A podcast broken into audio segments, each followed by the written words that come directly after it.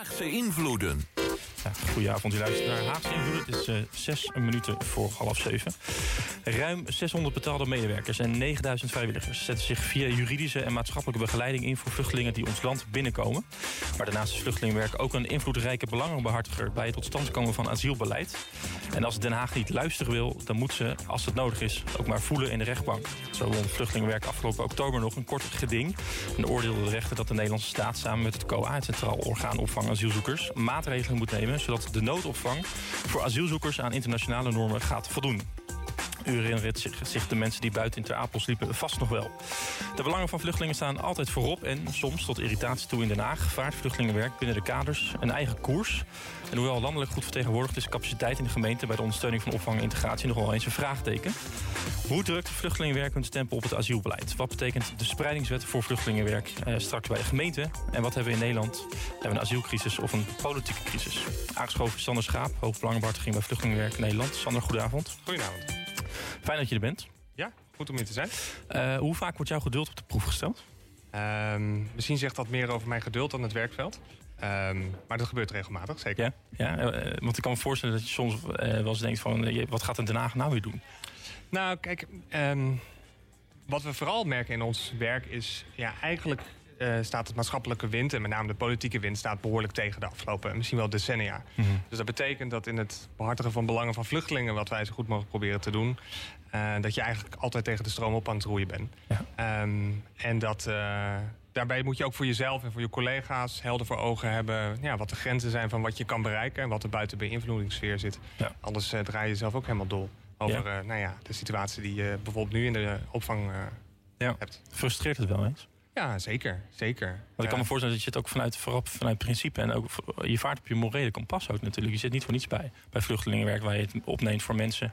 Uh, die in een kwetsbare positie zitten. Nee, ik geloof niet dat ik uh, collega's heb die puur en alleen... omdat ze een boterham moeten verdienen bij vluchtelingenwerk nee. uh, werken. En dat zijn over het algemeen ontzettend gedreven mensen... die, die vanuit dat hart voor vluchtelingen en hart voor, voor, voor, de samenleving ook...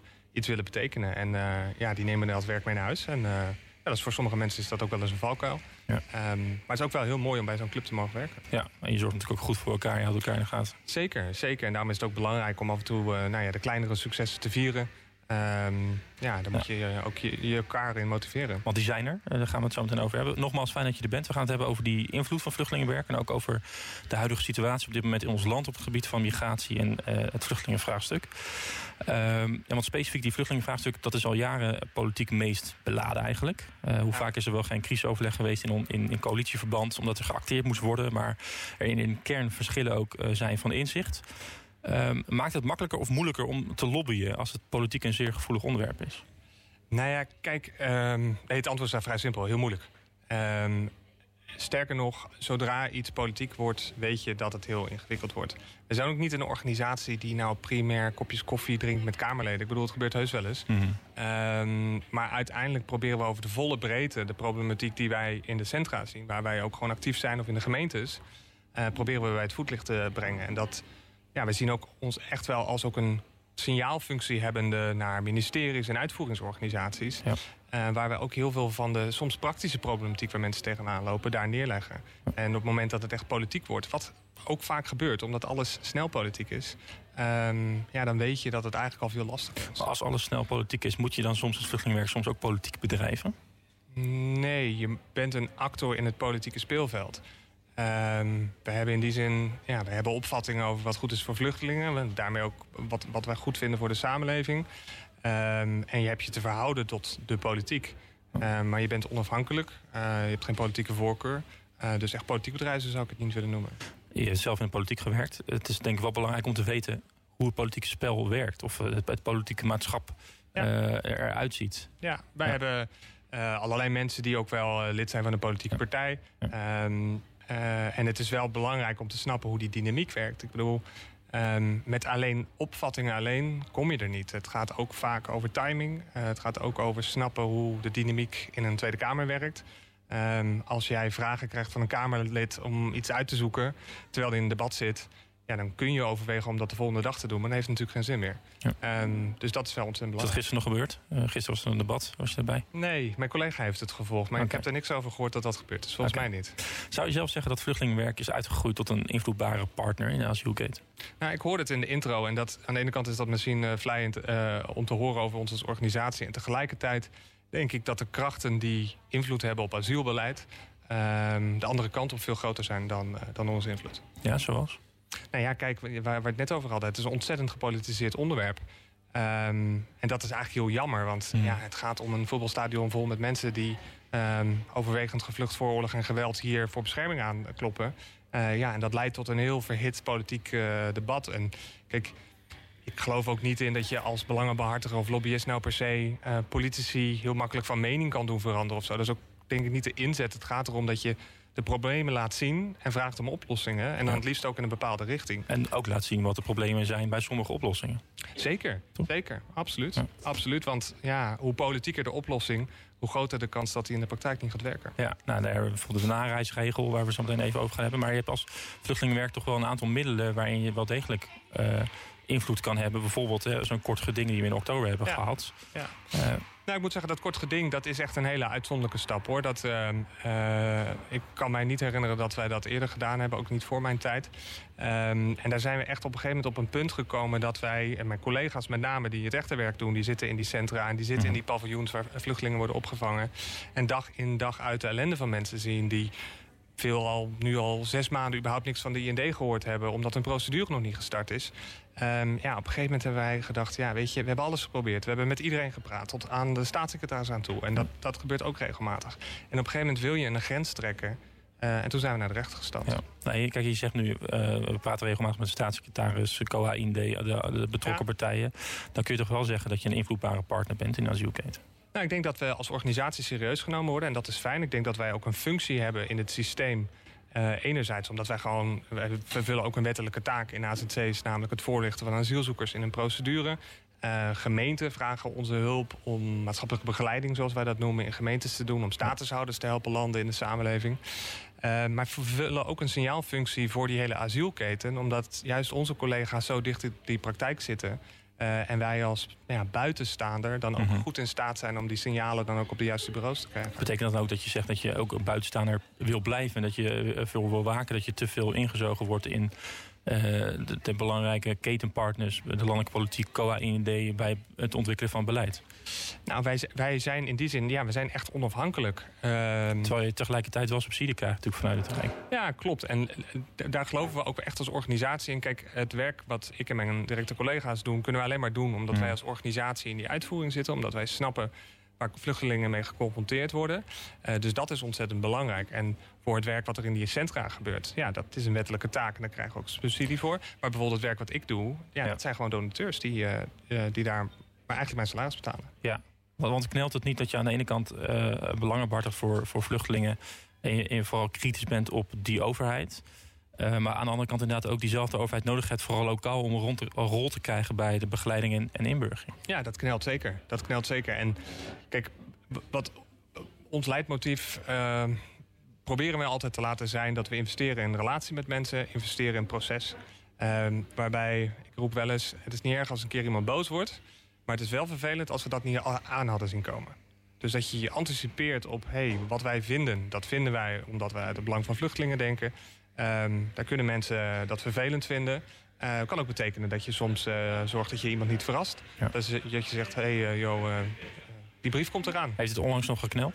Voor jou persoonlijk? Als, als... Ehm, nou, eh, het is altijd even de vraag hoe je met, eh, met vraagstukken omgaat. Ehm, wat de beste manier is om te bereiken wat je wil. En dat is een constante afweging. Hoe moet ik dat zien? eh, jullie rol ook, ook eh, als het gaat om, om eh, beleidsontwikkeling die landelijk wordt gemaakt. Zit je bijvoorbeeld aan tafel bij een ministerie? Nou ja, op, op veel plekken wel. Ehm, ik heb niet de illusie dat wij aan tafel zitten waar het beleid gemaakt wordt. Maar ik denk ook dat vanuit het ministerie, ik heb nooit hardop die vraag gesteld, dat het ook wel heel prettig voor hen is om ons perspectief te zien. Waarom heb je die vraag nooit uit opgesteld?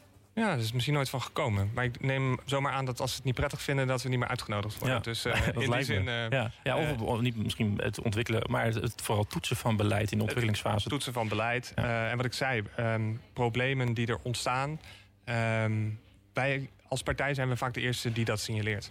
En kunnen er ook voor zorgen dat processen sneller gaan.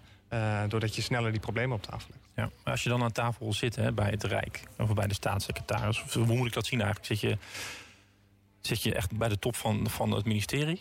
Nou, dat, dat verschilt heel erg. En ook binnen onze organisatie hebben we verschillende rollen.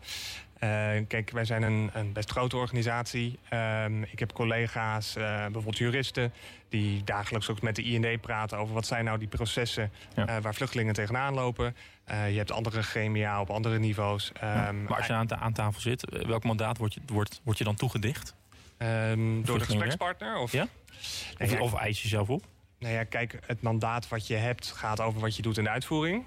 Ehm, eh, en ehm, je bent welkom aan tafel vanwege de kennis, expertise en ervaring die je meebrengt vanuit het perspectief van vluchtelingen. Ehm, dus ja, dat is, en wij merken ook wel hoor, bij, als er wisselingen zijn op het ministerie, is het altijd ook een investering in uitleggen hoe we dat. Eh, ja, hoe we tot elkaar verhouden. Het is ook helemaal niet zo dat wij alles maar van het ministerie van tevoren weten. We weten het meeste eigenlijk niet, lezen we ook in de krant bij wijze van Bij de spreken. spreidingswet hebben jullie bijvoorbeeld gelobbyd, actief ook aan tafel gezeten bij de ontwikkeling van de spreidingswet. Nou ja, kijk, wij. Eigenlijk de, de oorsprong van de uitspreidingswet is al een rapport, niet van ons, maar van een belangrijk eh, adviesorgaan uit 2016. Ehm, wij hebben vanaf toen daar ook aangegeven dat wij dat ook belangrijk vinden. En eigenlijk de afgelopen periode, zeg maar jaar, zijn we daar actief toe gaan oproepen. eh, tot zo'n spreidingswet. En hebben we tegen iedereen die wilde horen laten weten hoe we vonden dat die eruit zou moeten zien. Maar bij het daadwerkelijke proces, Ja. ja. ja, zeker als het politiek spannend wordt, gaan de luiken dicht. En dan eh, moet je Dat- maar afwachten wat er komt. Dat vooral ook op een gegeven moment een bepaalde fase als het politiek Ja. spannend wordt. Want dan worden er keuzes gemaakt. Maar ik kan me voorstellen bij de ontwikkelen om daar te komen. Dat je op een gegeven moment wel afwegingen moet maken. Eh, En bij het ontwikkelen van, van die afwegingen zijn jullie daarbij betrokken geweest? Nou, we hebben op allerlei tafels gezegd wat we vonden. Ehm, maar laat ik zo zeggen, dit is niet de wet die wij geschreven zouden hebben. Nee, ben wel blij mee overigens. Het uitgangspunt is goed. Het uitgangspunt dat je gemeenten allemaal een verantwoordelijkheid geeft... zoals gemeenten heel veel verantwoordelijkheden hebben eh, op allerlei terreinen... dat je hen een, uitgang, een verantwoordelijkheid geeft voor de opvang van asielzoekers. Goed. Eh, maar het systeem is echt onnodig ingewikkeld gemaakt. En het, het is nog maar afwachten of deze wet in deze vorm gaat werken. Ja, hij ligt nu ter consultatie. Hij Gaat Hij is één maand fase verder. Hij ligt bij de Raad van State. bij de Raad van State. Ja, Ja. precies. En die moet er nog een oordeel over vellen. En dan gaat hij naar, naar het parlement. Ja. Eh, gaan we het zo ook nog even over hebben. Want ik ben inderdaad wel benieuwd. Ja, eh, er, zijn, er worden heel veel asielzoekers eh, die opgevangen moeten worden. De commissaris van de, eh, van de Koning Zuid-Holland heeft natuurlijk ook gezegd... Ja, hoe gaan we dat doen? Ja. Eh, ik ben zo even benieuwd waar, waar dan die, die kernpunten zitten die jij nu benoemt. Ben je tevreden over de staatssecretaris tot nu toe? Ja, het lijkt alsof ik het een heel moeilijke vraag vind, maar dat vind ik helemaal niet. Kijk, ehm, ik, kijk het, is, het is geen verrassing dat een staatssecretaris uit, van VVD-huizen... dat we als vluchtelingenwerk daar regelmatig dingen van vinden die hij niet vindt en andersom. Hmm. Eh, ik zie wel een staatssecretaris die zich eh, uit de naad werkt... om de problemen eh, in dit land op te lossen. Dus daar ben ik op zich heel blij mee. En voor de rest is een aardige man en, en, en doet hij volgens mij is hij goed in wat hij doet. Ehm, maar ja, niet alles wat er uit zo'n ministerie onder zijn verantwoordelijkheid komt, staan Nee. natuurlijk op de bank. Maar dat is natuurlijk veel kritiek op zijn voorganger uh, Ankie Boekers-Knol. Ja. Zie je daarin verschil? Wereld van verschil. Ja? Ja. En waar zit het dan in? Eh, bij de, niet politiek correct te zijn, hè? Nee, dat is inderdaad mijn aarzeling inderdaad. Eh, nee, kijk, de- dat is volgens mij ook een publiek geheim. De vorige staatssecretaris was alles ideologisch. Ehm, dus hij stuurde in de uitvoering heel ideologisch op... ehm, oh, het zal maar zo zijn dat mensen hier naartoe komen... omdat ze 11 euro in de week krijgen om een boterham te kopen, bij wijze van spreken. Eh, dus dat maakt het heel lastig. Ehm, maakte ook voor mijn gevoel dat het departement daarmee ook best wel verkrampte... want alles was politiek. Ehm, en ook haar stijl was niet de stijl die mij nou zo ontzettend aanspreekt. Nee, dus het is echt een wereld van verschil. Een wereld van verschil, absoluut. Uh, tot laatst even over, die, de, uh, over de gereedschapskist die jij hebt als, als, als lobby, lobbyist. Want dit programma gaat over hoe je invloed ja. uitoefent. Uh, welke middelen heb je tot je beschikking? Nou ja, kijk, uh, dat klinkt een beetje stom. Maar het begint natuurlijk gewoon met de argumenten. Uh, je hebt een verhaal en ook ministeries en uitvoeringsorganisaties werken mensen die nou ja, het beste voor Nederland willen, want ze werken voor het Rijk. En ook het beste willen voor, nou ja, wat dan voor vluchtelingen is. perspectieven kunnen verschillen, maar mhm. iedereen werkt hard. En als je daar met goede argumenten komt, ehm, die vaker dan je zou denken overlappen, zorgen voor overlappende belangen, voor zowel de samenleving als voor vluchtelingen, dan kom je, kom je soms best wel een heel eind. Um, maar het gebeurt natuurlijk regelmatig dat het, ja, dat het daar stokt. Uh, Soms merk je ook wel in gesprekken, of wordt het expliciet gezegd... ja, dit is politiek. En uh, nou, dan kun je doorpraten en dat doe je dan misschien ook wel. het wordt misschien ook wel eens te makkelijk uh, gezegd. Het is natuurlijk ook een, gelegenheidsargument. Nou, ik denk, en zeker onder de vorige staatssecretaris was dat ook denk ik echt wel zo. Um, ja, en soms kies je ervoor om richting media iets te doen... om daar je zorgen te uiten... Um, dat doe je eigenlijk vaak dan een parallel, ook, uh, ook richting Tweede Kamer. Probeer je daar ook je zorgen neer te leggen. En ook daar geldt het, het eh, overtuigen van een Kamerlid die iets anders vindt dan jij vindt. Dat is heel moeilijk. Bijna onmogelijk, denk ik. Uh, het gaat vooral om de problemen op tafel leggen. Uh, en zeker ook met de versplintering in de Tweede Kamer. Uh, zijn Tweede Kamerleden natuurlijk altijd op zoek naar gewoon informatie. Wij zijn ook een ontzettend kenniscentrum. Ik heb heel veel collega's die van heel veel dingen verstand hebben. En dan kunnen we ook gewoon makkelijk uitleggen hoe het zit. Ja, daar zijn jullie ook deels voor natuurlijk. Zeker. Je hebt zelf in de landelijke politiek gewerkt en meegemaakt... dat invloed van buitenaf eh, een plan kan frustreren. Nu sta je aan de andere kant. Is, kan het ook een doelruste strategie zijn voor vluchtelingenwerk... om, om uh, een, een, beleid van uitgangspunt te frustreren? Bijvoorbeeld... door, door te vertragen of naar de rechter te gaan. Um, nou, kijk, ehm, in de uitvoering doen we gewoon wat we moeten doen. En dat doen we voor vluchtelingen. En uh, ook best wel eens met buikpijn. Hè, want al die locaties waar mensen nu opgevangen worden... zijn voor een goed deel echt gewoon verschrikkelijk. Um, het is natuurlijk wel zo dat, en dat speelde met name in de vorige regeerperiode, had het kabinet had een aantal uitgangspunten in het regeerakkoord waar we gewoon echt niet enthousiast van werden. Dat was de inperking van de rechtsbijstand voor uh, asielzoekers. Er stond de, de, verkorting van de duur van de verblijfsvergunning, een aantal van dat soort thema's. En dan probeer je natuurlijk wel uh, met partners in het veld... probeer in gezamenlijkheid op te trekken... Um, om dingen tegen te houden waar dat uh, mogelijk is. Ja, maar je zou dat niet uh, kwalificeren als frustreren? Nee, frustreren, dat, dat klinkt een beetje vies. We doen dat gewoon met open vizier. Uh, en ja, dat is ook wel de kern van waar we het eerder over hadden. Die relatie die je hebt. Ja, ja er zijn ook momenten dat je zegt... nou, weet je, nu houdt het gesprek op. En ja. we gaan wel zien wat er gebeurt. Ja. Uh, dus nee, frustreren zou ik dat zeker niet noemen. Tot slot de, de, de gang naar de rechtbank. Uh, we hadden het even oktober. Je zei dat is eigenlijk een uniek middel geweest. Wordt dat een steeds belangrijker middel voor jullie? Ik hoop het niet. Ik hoop het niet. Want kijk, de rechter heeft gewoon heel duidelijk een, een, duidelijke uitspraak gedaan. Ja. Um, en ik hoop um, dat de staatssecretaris en iedereen die daar heel hard aan werkt... daar zo snel mogelijk uitvoering aan gaat geven. Uh, dus nee, ik denk niet dat wij um, op dit soort grote thema's... heel snel uh, naar de rechter zullen stappen. Wel speelt natuurlijk mee dat, ja, um, hoe lang geef je op een gegeven moment de staat... om dit probleem op te lossen? Uh, als we over een half jaar in deze situatie nog steeds zitten... en ik vrees eerlijk gezegd dat de situatie nog wel veel erger gaat zijn dan die nu is... ja, kan dat een overweging zijn. Okay. Even over de organisatie zelf. Ruim 9000 vrijwilligers, 600 betaalde krachten. Na de asielcrisis in 2015, 2016 is er behoorlijk teruggeschaald op opvanglocaties. Uh, medewerkers, vrijwilligers, zowel bij het COA, de IND. Een pijnlijke fout blijkt nu, die ook gewoon ruim wordt toegegeven. Uh, nu er bijvoorbeeld veel te weinig opvanglocaties zijn. Heeft vluchtelingenwerk ook dezelfde gema eh, fout gemaakt... Door, door af te schalen naar de asielcrisis destijds? Ja, dat is best een goede vraag. Um... Nee, kijk, het, uh, we hebben trouwens iets meer medewerkers uh, tegenwoordig, maar goed, dat is een detail. Um, kijk, je, de groot deel van de medewerkers die wij hebben, die werken in AZC's of die werken voor gemeentes. Um, als uh, het Rijk opvangcentra gaat sluiten, kunnen wij wel medewerkers aanhouden. Ja. Maar ja, die hoeven daar dan niet te zijn. Um, over het algemeen lukt het ons heel aardig om, uh, om nieuwe mensen te vinden. Het is nu ook wel, weet je, iedereen loopt er tegenaan. De arbeidsmarkt is krap. Uh, zeker als je snel goede mensen nodig hebt, is dat best wel ingewikkeld. Uh, en uh, we werken ook veel met vrijwilligers. Dat is echt wel de basis van onze organisatie. En dat is ook wel altijd een zoektocht. Um, ja, sommige vrijwilligers commenteren zich lang, sommige wat korter. Ja. Um, ja, dat is, dat is altijd een balans. En ja, soms gaat het niet zo snel als je zou willen, dat opschalen. Ja, er wordt ook wel eens geklaagd over bureaucratisering uh, bij vluchtelingenwerk, maar ook, ja, ook vooral vaak in samenwerking met ketenpartners, als, als je kijkt naar lokale gemeenten. Okay. Uh, nou ja, toch, dat, dat herken je misschien toch wel, dat, dat de lokale afdelingen of dat, dat capaciteit vooral met de nieuwe inburgeringswet... je natuurlijk heel veel moet samenwerken tussen gemeenten mm. en, en allerlei partners... intern, extern, buiten de gemeente om... dat het natuurlijk wel volgt dat daar, vergt dat daar goede samenwerking op is. Ja, dat is ontzettend belangrijk. En weet je, wij zijn ook een grote organisatie. Uh, waar dingen ook soms wel eens te lang duren, dat geef ik meteen toe. Ik weet niet precies of je op iets concreets doelt nu hoor. Dat, nou, bijvoorbeeld, uh, er was kritiek dat lokale afdelingen zich, zich niet aansluiten bij het Centrale Vluchtelingenwerk Nederland. Uh... Oh, zo, ja nu snap ik je beter. Ehm, kijk, wij zijn van oorsprong, ik geloof dat we ruim 40 jaar bestaan. We zijn van oorsprong echt ja, grassroots organisatie, zeg maar. Ik geloof dat wij eh, vroeger uit weet ik hoeveel 100 stichtingen bestonden. En langzaamaan zijn wij toegegroeid naar één organisatie. Eigenlijk pas sinds afgelopen jaar zijn wij ook in formele zin één stichting, één Vluchtelingenwerk Nederland. Uh, en dat betekent dat er naast onze organisatie bestaan er nog steeds organisaties, organisatietjes vaak, die zich niet uit, uh, aangesloten hebben bij ons. Ehm, ja, en die op een andere manier werken, zeg maar. Maar um, dat is wel de oorsprong van dat fenomeen. Omdat we gewoon echt van onderop gegroeid zijn. En die bureaucratisering als het gaat om samenwerking. Want, want heeft de nieuwe inburgeringswet die vorig jaar is ingegaan... ook een positieve rol gespeeld uh, voor vluchtelingenwerk... als het gaat om samenwerking met de gemeente?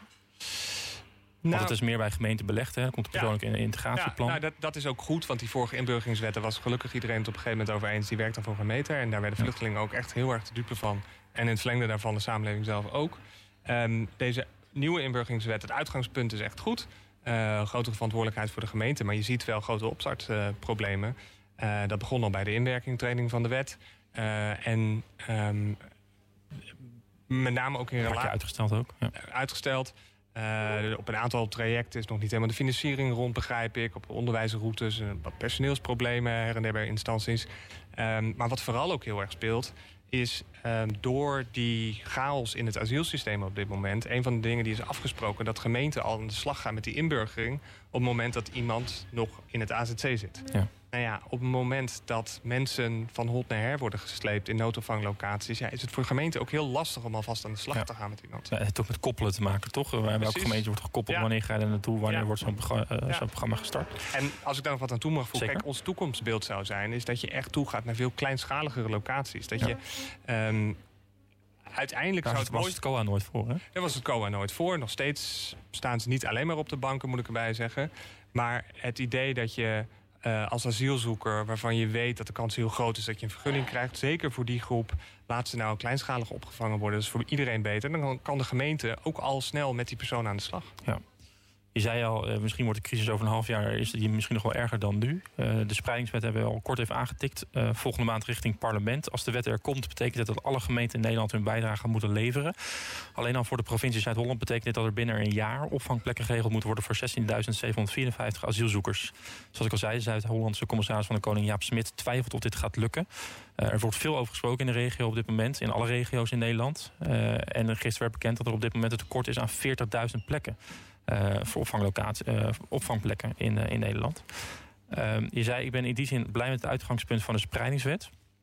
Maar waar zit dan jouw kritiek of jouw zorg om, op deze wet? Ja, het is eigenlijk drie dingen. Eén, um, hij had er eigenlijk twee jaar geleden moeten zijn. dat is een beetje makkelijk, maar dat is wel zo. Um, het tweede is dat hij veel te ingewikkeld is gemaakt. Ik moet elke keer graven in mijn geheugen om na te denken hoe die ook alweer in elkaar zit. En ik merk dat ook zodra die uitkwam, is iedereen vooral bezig met wat wordt er überhaupt bedoeld. Uh, er zit een financiële prikkel in. Dan kunnen mensen of mensen, gemeenten in het voorjaar plekken aanleveren. Dat gaat weer van de centrale verdeelsleutel af. Eigenlijk is het systeem zo gemaakt dat niemand echt goed weet wat dit gaat doen met de bereidheid van gemeentes om ook vrijwillig plekken te leveren. Dat is gewoon eigenlijk de grote onbekende. Um, en het derde punt is, um, hij is niet alleen te laat. Um, ook het COA zelf en de VNG hebben ook publiekelijk gezegd, als ik me niet vergis, dat de effecten, als die al ingegaan zou zijn, je die pas in 2024 zit, ziet. Maar nu zijn we eind januari. Er zijn provinciale staatverkiezingen op 15 maart. De Eerste Kamer wordt op 30 mei verkozen. In die periode gebeurt er in de Eerste Kamer in ieder geval niks. Voordat deze wet behandeld gaat worden, zit je gewoon in het najaar. Ja. Um, en voordat je de effecten dan ziet, dan kruip je echt richting 2025 aan. Ja. Um, dus ja, het, en dat was een beetje rond de kerst zag je dat. Hè? Het, het beeld ontstond, hey, de problemen zijn opgelost... er liggen geen mensen meer voor de poort... en er is een afspraak in de coalitie over de spreidingswet. En daarmee zijn de problemen opgelost. Mm. Ja, verre van. Ja. je ziet ook die, die, die, die, worsteling bij provincies en gemeenten van ja, wat betekent het nu eigenlijk? Ja. dan is het eigenlijk wel heel goed gespeeld in de politiek. is een, een mooi positief frame over gegaan. Maar eigenlijk klopt dat niet met. is het veel weerbarstiger de realiteit als ik hoor als het gaat om de uitvoering en de samenwerking? Ja, absoluut. Kijk, en, en ehm, politieke oplossingen die je hoopt dat die gaan over de realiteit. Maar te vaak gaan die natuurlijk uh, helemaal niet over de realiteit. En dat is in dit geval ook zo. Nogmaals, die spreidingswet, het uitgangspunt is prima. Uh, ik ben heel benieuwd wat de Raad van State ervan vindt. Um, maar gaat het wel helpen? Is het beter dan niets? Ik denk het wel, maar ik weet het niet zeker. Juist omdat hij zo ingewikkeld is geworden. Ik weet niet als jij nu gemeentebestuurder bent of burgemeester, ik weet niet of je denkt: oké, ik ga wachten tot de verplichting er komt. Of ik ga nu alvast mijn nek uitsteken, uh, omdat ik ook zie dat het nodig is. Dus dat zal moeten blijken. Ik vrees dat laatste. Uh, hoe, kijk, hoe, kijk, je naar de, de, de, financiële prikkel? Dat er in sommige gevallen gewoon simpelweg een geldbeloning tegenover staat voor gemeenten. Lijkt een beetje mensenhandel. Ja, ik snap dat je dat zegt. Er zijn ook, ik heb ook collega's bij mij gehad die die associaties uh, hadden. Ik heb dat zelf ietsjes minder, omdat ik ook wel snap, de opvang kost geld. Um, maar het, het, je komt wel een beetje op een hellend vlak waarbij je blijkbaar een financiële vergoeding moet geven om medemenselijkheid te tonen. En bovendien, en misschien net zo belangrijk, het gaat niet helpen. Ik, kijk, tuurlijk hebben gemeentes geld nodig uh, om uh, asielzoekers op te vangen. Dat kost geld. Uh, ze moeten personeel, locaties, et cetera. Uiteindelijk is dat niet het probleem. Het probleem is dat we in Nederland de afgelopen jaren... en ook daar heeft bijvoorbeeld de laatste staatssecretaris... buitengewoon kwalijke rol in gespeeld. De afgelopen jaren hebben we steeds meer het beeld geschetst... dat hier vooral heel veel mensen naartoe komen... die geen recht hebben op asiel. Ja. Mensen die hier uh, om economische redenen komen. En dat is gewoon simpelweg niet waar. En daardoor is een discours ontstaan... waarbij uh, bestuurders ten onrechte... Uh, vaak denken, als ik dit ga doen, levert dat mij zoveel gezeik op. Ik doe het maar niet. Terwijl als je uit alle peilingen uh, ja, de samenleving is gepolariseerd. En dat zie je vooral op tv en op social media en weet ik veel wat. Maar het draagvlak in de samenleving om opvang te bieden aan mensen die gevlucht zijn, is gewoon stabiel en is hoog. Maar kun je dat, is, is daarmee, laat ik het anders zeggen, kun je de politiek verwijten? Eh, verwijt jij de politiek dat dit gebeurd is? Dat er een bepaald vreemde beeldvorming te veel belangrijke rol speelt en, en de draagvlak ondermijnt? Zeker, zeker. Kijk, uh, en uh, is er ook een specifieke partij of, of, of, een kleur waar je, waar je specifiek aan denkt? Nou, nee, dat, dat, dat vind, ik heb ook in die zin niet zo zin om te gaan zitten zwarte pieten, als ik dat zo mag uitdrukken. Um, maar ik vind het heel makkelijk om met alles wat er speelt in onze samenleving. Um, om dan het vizier te zetten. Nogmaals, het is een voetbalstadion uh, vol in jaren dat er veel mensen komen. Om daar alle problemen van de wereld aan op te hangen. De instroom is wel hoger hè, dan het de, de instroom is hoger. Ja. Uh, tegelijkertijd Um, er kwamen tijdens corona veel minder mensen. Nou, daarna mhm. is er dus een inhaalslag geweest. En nu is de verwachting dat er dit jaar meer mensen komen dan voor corona. Dat zou uh, inderdaad goed kunnen. Maar de kern van de problemen zit niet in de aantallen. De kern van het probleem zit in wat er na 2015, 2016 is gebeurd. Ook onder druk van politiek sentimenten. Ja, het afschalen. Het afschalen. Ook het signaal wat destijds aan de samenleving men wilde geven. Eigenlijk een beetje vergelijkbaar met nu. Het probleem is voorbij. We gaan AZC's afbouwen. Het is klaar. En toen zijn er allemaal lessen getrokken, allemaal dikke rapporten geschreven met allemaal hele verstandige dingen. Ja. Um, maar er is niks mee gedaan. Gaan we zo even eh, over verder. Um, tot slot even over de spreidingswet. Kan vluchtelingenwerk het bolwerken als straks in elke gemeente statushouders vluchtelingen uh, worden opgevangen? Daar gaan we onze stinkende best voor doen. Ja, gaat dat uh, op plekken misschien een keer mis? Ja, absoluut. We zijn nu al bezig met de voorbereidingen Zeker. We zijn uh, druk mensen aan het werven. Ehm, vrijwilligers, betaalde krachten. dan gaat het echt om elke gemeente dat daar asielzoekers zitten. Ja. ja. Ja. Oké. Uh, even voor de administratie. De regeling derde landers loopt af begin maart. Dit betekent dat er bijvoorbeeld Oekraïense vluchtelingen zijn die gevlucht zijn, maar mogelijk niet langer in Nederland kunnen blijven. Uh, het gaat om ruim 6600 mensen, bijvoorbeeld om niet-Oekraïners die ten tijde van aanvang in de oorlog in Oekraïne verbleven en toen zijn gevlucht naar Nederland. er was vandaag ook weer, weer nieuws over hoe, wordt, hoe streng wordt daarop gehandhaafd zometeen over de vraag of zij wel of niet in de opvang mogen blijven. Ja, precies, of ze weer terug moeten. Nee, dat is de grote vraag. Kijk, uh, het is 4 maart inderdaad dat die uh, afloopt voor deze groep mensen. En, uh, voor de duidelijkheid gaat het om mensen die een tijdelijk werkvergunning of een studentenvisum hadden. Um, daar kunnen ook, wat wij dan zeggen, vluchtelingen tussen zitten. Maar overwegend zijn dat gewoon mensen die om andere redenen in Oekraïne zaten toen hier naartoe gevlucht zijn. Um, De feit is, is geen oplossing. Dat heeft de Vereniging Nederlandse Gemeente heeft vandaag ook een brief gestuurd aan de staatssecretaris en zegt: kom nou met een oplossing, welke kant op dan ook. Um, want het loopt af en wij willen ook niet dat deze mensen op straat komen. Maar het is ook heel lastig om tegen het COA te zeggen: hier heb je een paar duizend mensen, die moet je opvangen. Want feitelijk hebben deze mensen asiel aangevraagd. Dus je zult hun op een of andere manier uh, door die asielprocedure moeten halen. Ik verwacht dat het grootste deel daarvan uh, dat ze daar of zelf niet zullen voor zullen kiezen... omdat ze weten dat ze dat niet zullen krijgen. Klein deel zal dat misschien wel krijgen. Maar je moet dat op een of andere manier netjes doen. En dan moet je afspraken over En daar is nu nog steeds onduidelijkheid over. Er is steeds onduidelijkheid over. En wij lichten deze groep ook voor. En ja, de onrust neemt daar gewoon toe. Want het is over vijf weken. Ze hebben geen idee waar ze heen moeten. Ja, belangrijk signaal eh, vandaag ook namens de VNG. Zeker. Uh, tot slot even de, de, de, politieke kant van, van deze asielcrisis. Want is het, is het een politieke crisis of is het een opvangcrisis?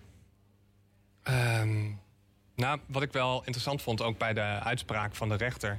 De rechter was heel duidelijk. Dit is een door de overheid zelf gecreëerde crisis. En dat wordt inmiddels ook wel toegegeven. In die zin is het een politieke crisis. Um, en een politiek die er niet in slaagt om oplossingen te vinden voor wat relatief gezien een overzichtelijk probleem is. Ik bedoel, er zijn volgens mij problemen in Nederland die vele malen groter zijn dan dit. Er wordt vaak geweest, nou ja, het is een Europees probleem. In Nederland kunnen we bijna niet zoveel doen.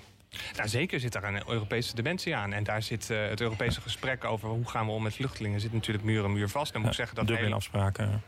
Ja. Nederland daar ook niet altijd een hele constructieve rol speelt. Um, de, de, nee, want er wordt wel toch vaak... De staatssecretaris verwijst vaak naar Griekenland, Italië. Maar je zegt dat Nederland ook niet altijd een constructieve rol speelt in Europa.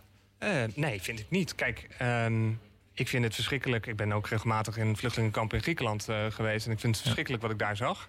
Uh, en dat verwijt ik ook de Griekse overheid. Uh, maar ik snap ook dat als jij aan de grens van Europa ligt... en we hebben Europese afspraken over asiel... dat je dan achterom kijkt of je buurman of de buurman daarnaast ook wel doet. En als die geen poot uitsteekt, snap ik dat het heel ingewikkeld wordt... voor landen aan de grens. Ja. Het is een, een politiek probleem. Uh, je zegt, ik heb ook al echt geërgerd uh, aan de beeldvorming... die door politiek Den Haag zelf ook wordt, uh, wordt vormgegeven. Um, zou je kunnen zeggen dat de staatssecretaris de gerechtelijke uitspraken... over de stop op gezin, gezinshereniging... naar aanleiding van de asieldeal afgelopen augustus... helemaal aan het uitmelken is tot hij niet verder kan? Ja, absoluut. Kijk... Um want het doel ervan was de instroom te beperken, zodat ik onderbreek. Ja, nu mogen er alweer nareizigers komen. Ja, dan, dan verwacht je toch zometeen als die hele nareisregel uh, door de Raad van State in februari van tafel wordt geveegd, dat die mensen toch alsnog komen. Zeker, en daar hebben we ook al meteen al voor gewaarschuwd. Want je bent een. Uh, je bent ook een nieuwe dimensie in het opvangprobleem ja. aan het creëren, omdat mensen allemaal tegelijk komen. Maar kijk, wat, wat mij echt wel tegenstaat, even los van de inhoud van die afspraak, dat politiek gaat over het maken van afspraken binnen de grenzen van de wet. En als je daar dat wil, kun je wetten aanpassen. Ja. Maar als je van tevoren weet dat de rechter je terug gaat fluiten en je doet het toch, ja, dat vind ik echt heel, heel kwalijk. En dat is niet alleen de staatssecretaris aan te rekenen. Dat is een, een coalitieafspraak van vier politieke partijen geweest. Ja. Uh, en dat vind ik zeer kwalijk. En zijn dat ook de momenten dat jullie elkaar ook aankijken op vluchtelingenwerk van ja, wat, uh, wat gebeurt hier? Ik, ik, is, is, er, is er wel zo'n druppel uh, is de emmer wel eens vol. Dat je zegt van jongens, laten we, laten we elkaar terugtrekken. Laten we niet meer meer samenwerken. Want, dit gaat over integriteit. Um, ik denk dat we dat punt zouden bereiken als wij een organisatie waren die vervolgens een mond zouden moeten houden. Uh, en het feit dat we dat niet doen en niet hoeven, uh, maakt dat je in ieder geval ook een uitlaatklep, om maar even zo te zeggen, hebt voor die frustratie. Maar zo'n moment is natuurlijk wel, ja, dat doet pijn. En, en nou, er wordt nog net niet geschreeuwd over de gangen, maar iedereen is dan ja. wel echt flabbergasted wat er gebeurt, zeg maar. Maar we realiseren ons ook, dit is een politieke afspraak. Dit is een afspraak tussen politici. Dus die medewerker van de IND die ik straks spreek, die heeft helemaal niks mee te maken. Weet je, dus dat maakt ook dat je het dagelijkse werk ja. ook gewoon met elkaar wel kan doen. Maar je hebt wel aangegeven dat die beloften uh, of dit soort deals wel schadelijk zijn. Nou, ik denk wel dat, ik bedoel, als dit over asielzoekers zo afgesproken kan worden, ik bedoel, wat is de volgende stap? Wat voor afspraken worden er over jou en mij ook gemaakt? Ja. Als je de grenzen van de rechtsstaat niet respecteert bij het maken van politieke afspraken, ja, ja is het vrij spel? Ja. Heel kort nog, uh, er komen provinciale statenverkiezingen aan. 15 maart, de rol van de provincies wordt met de spreidingswet ook belangrijk. Zij moeten de spreiding in goede banen leiden. Maak je dan nog zorgen om de peilingen waar, waar rechtse partijen op dit moment vier aan kop gaan? Of, of ben je daar niet zo mee bezig? Uh, nou, kijk, ik hoop dat, uh, dat we straks uh, een parlement hebben vol met parlementariërs die vluchtelingvriendelijk zijn. Ja. maar ik zie ook wel eens peilingen. Lijkt er niet op. Nee. nee. Ehm, mag ik jou heel erg bedanken voor je tijd. Sander Schaap, hoofdbelangenbehartiging bij Vluchtelingenwerk Nederland. Succes Yes. met al je werk. Dankjewel.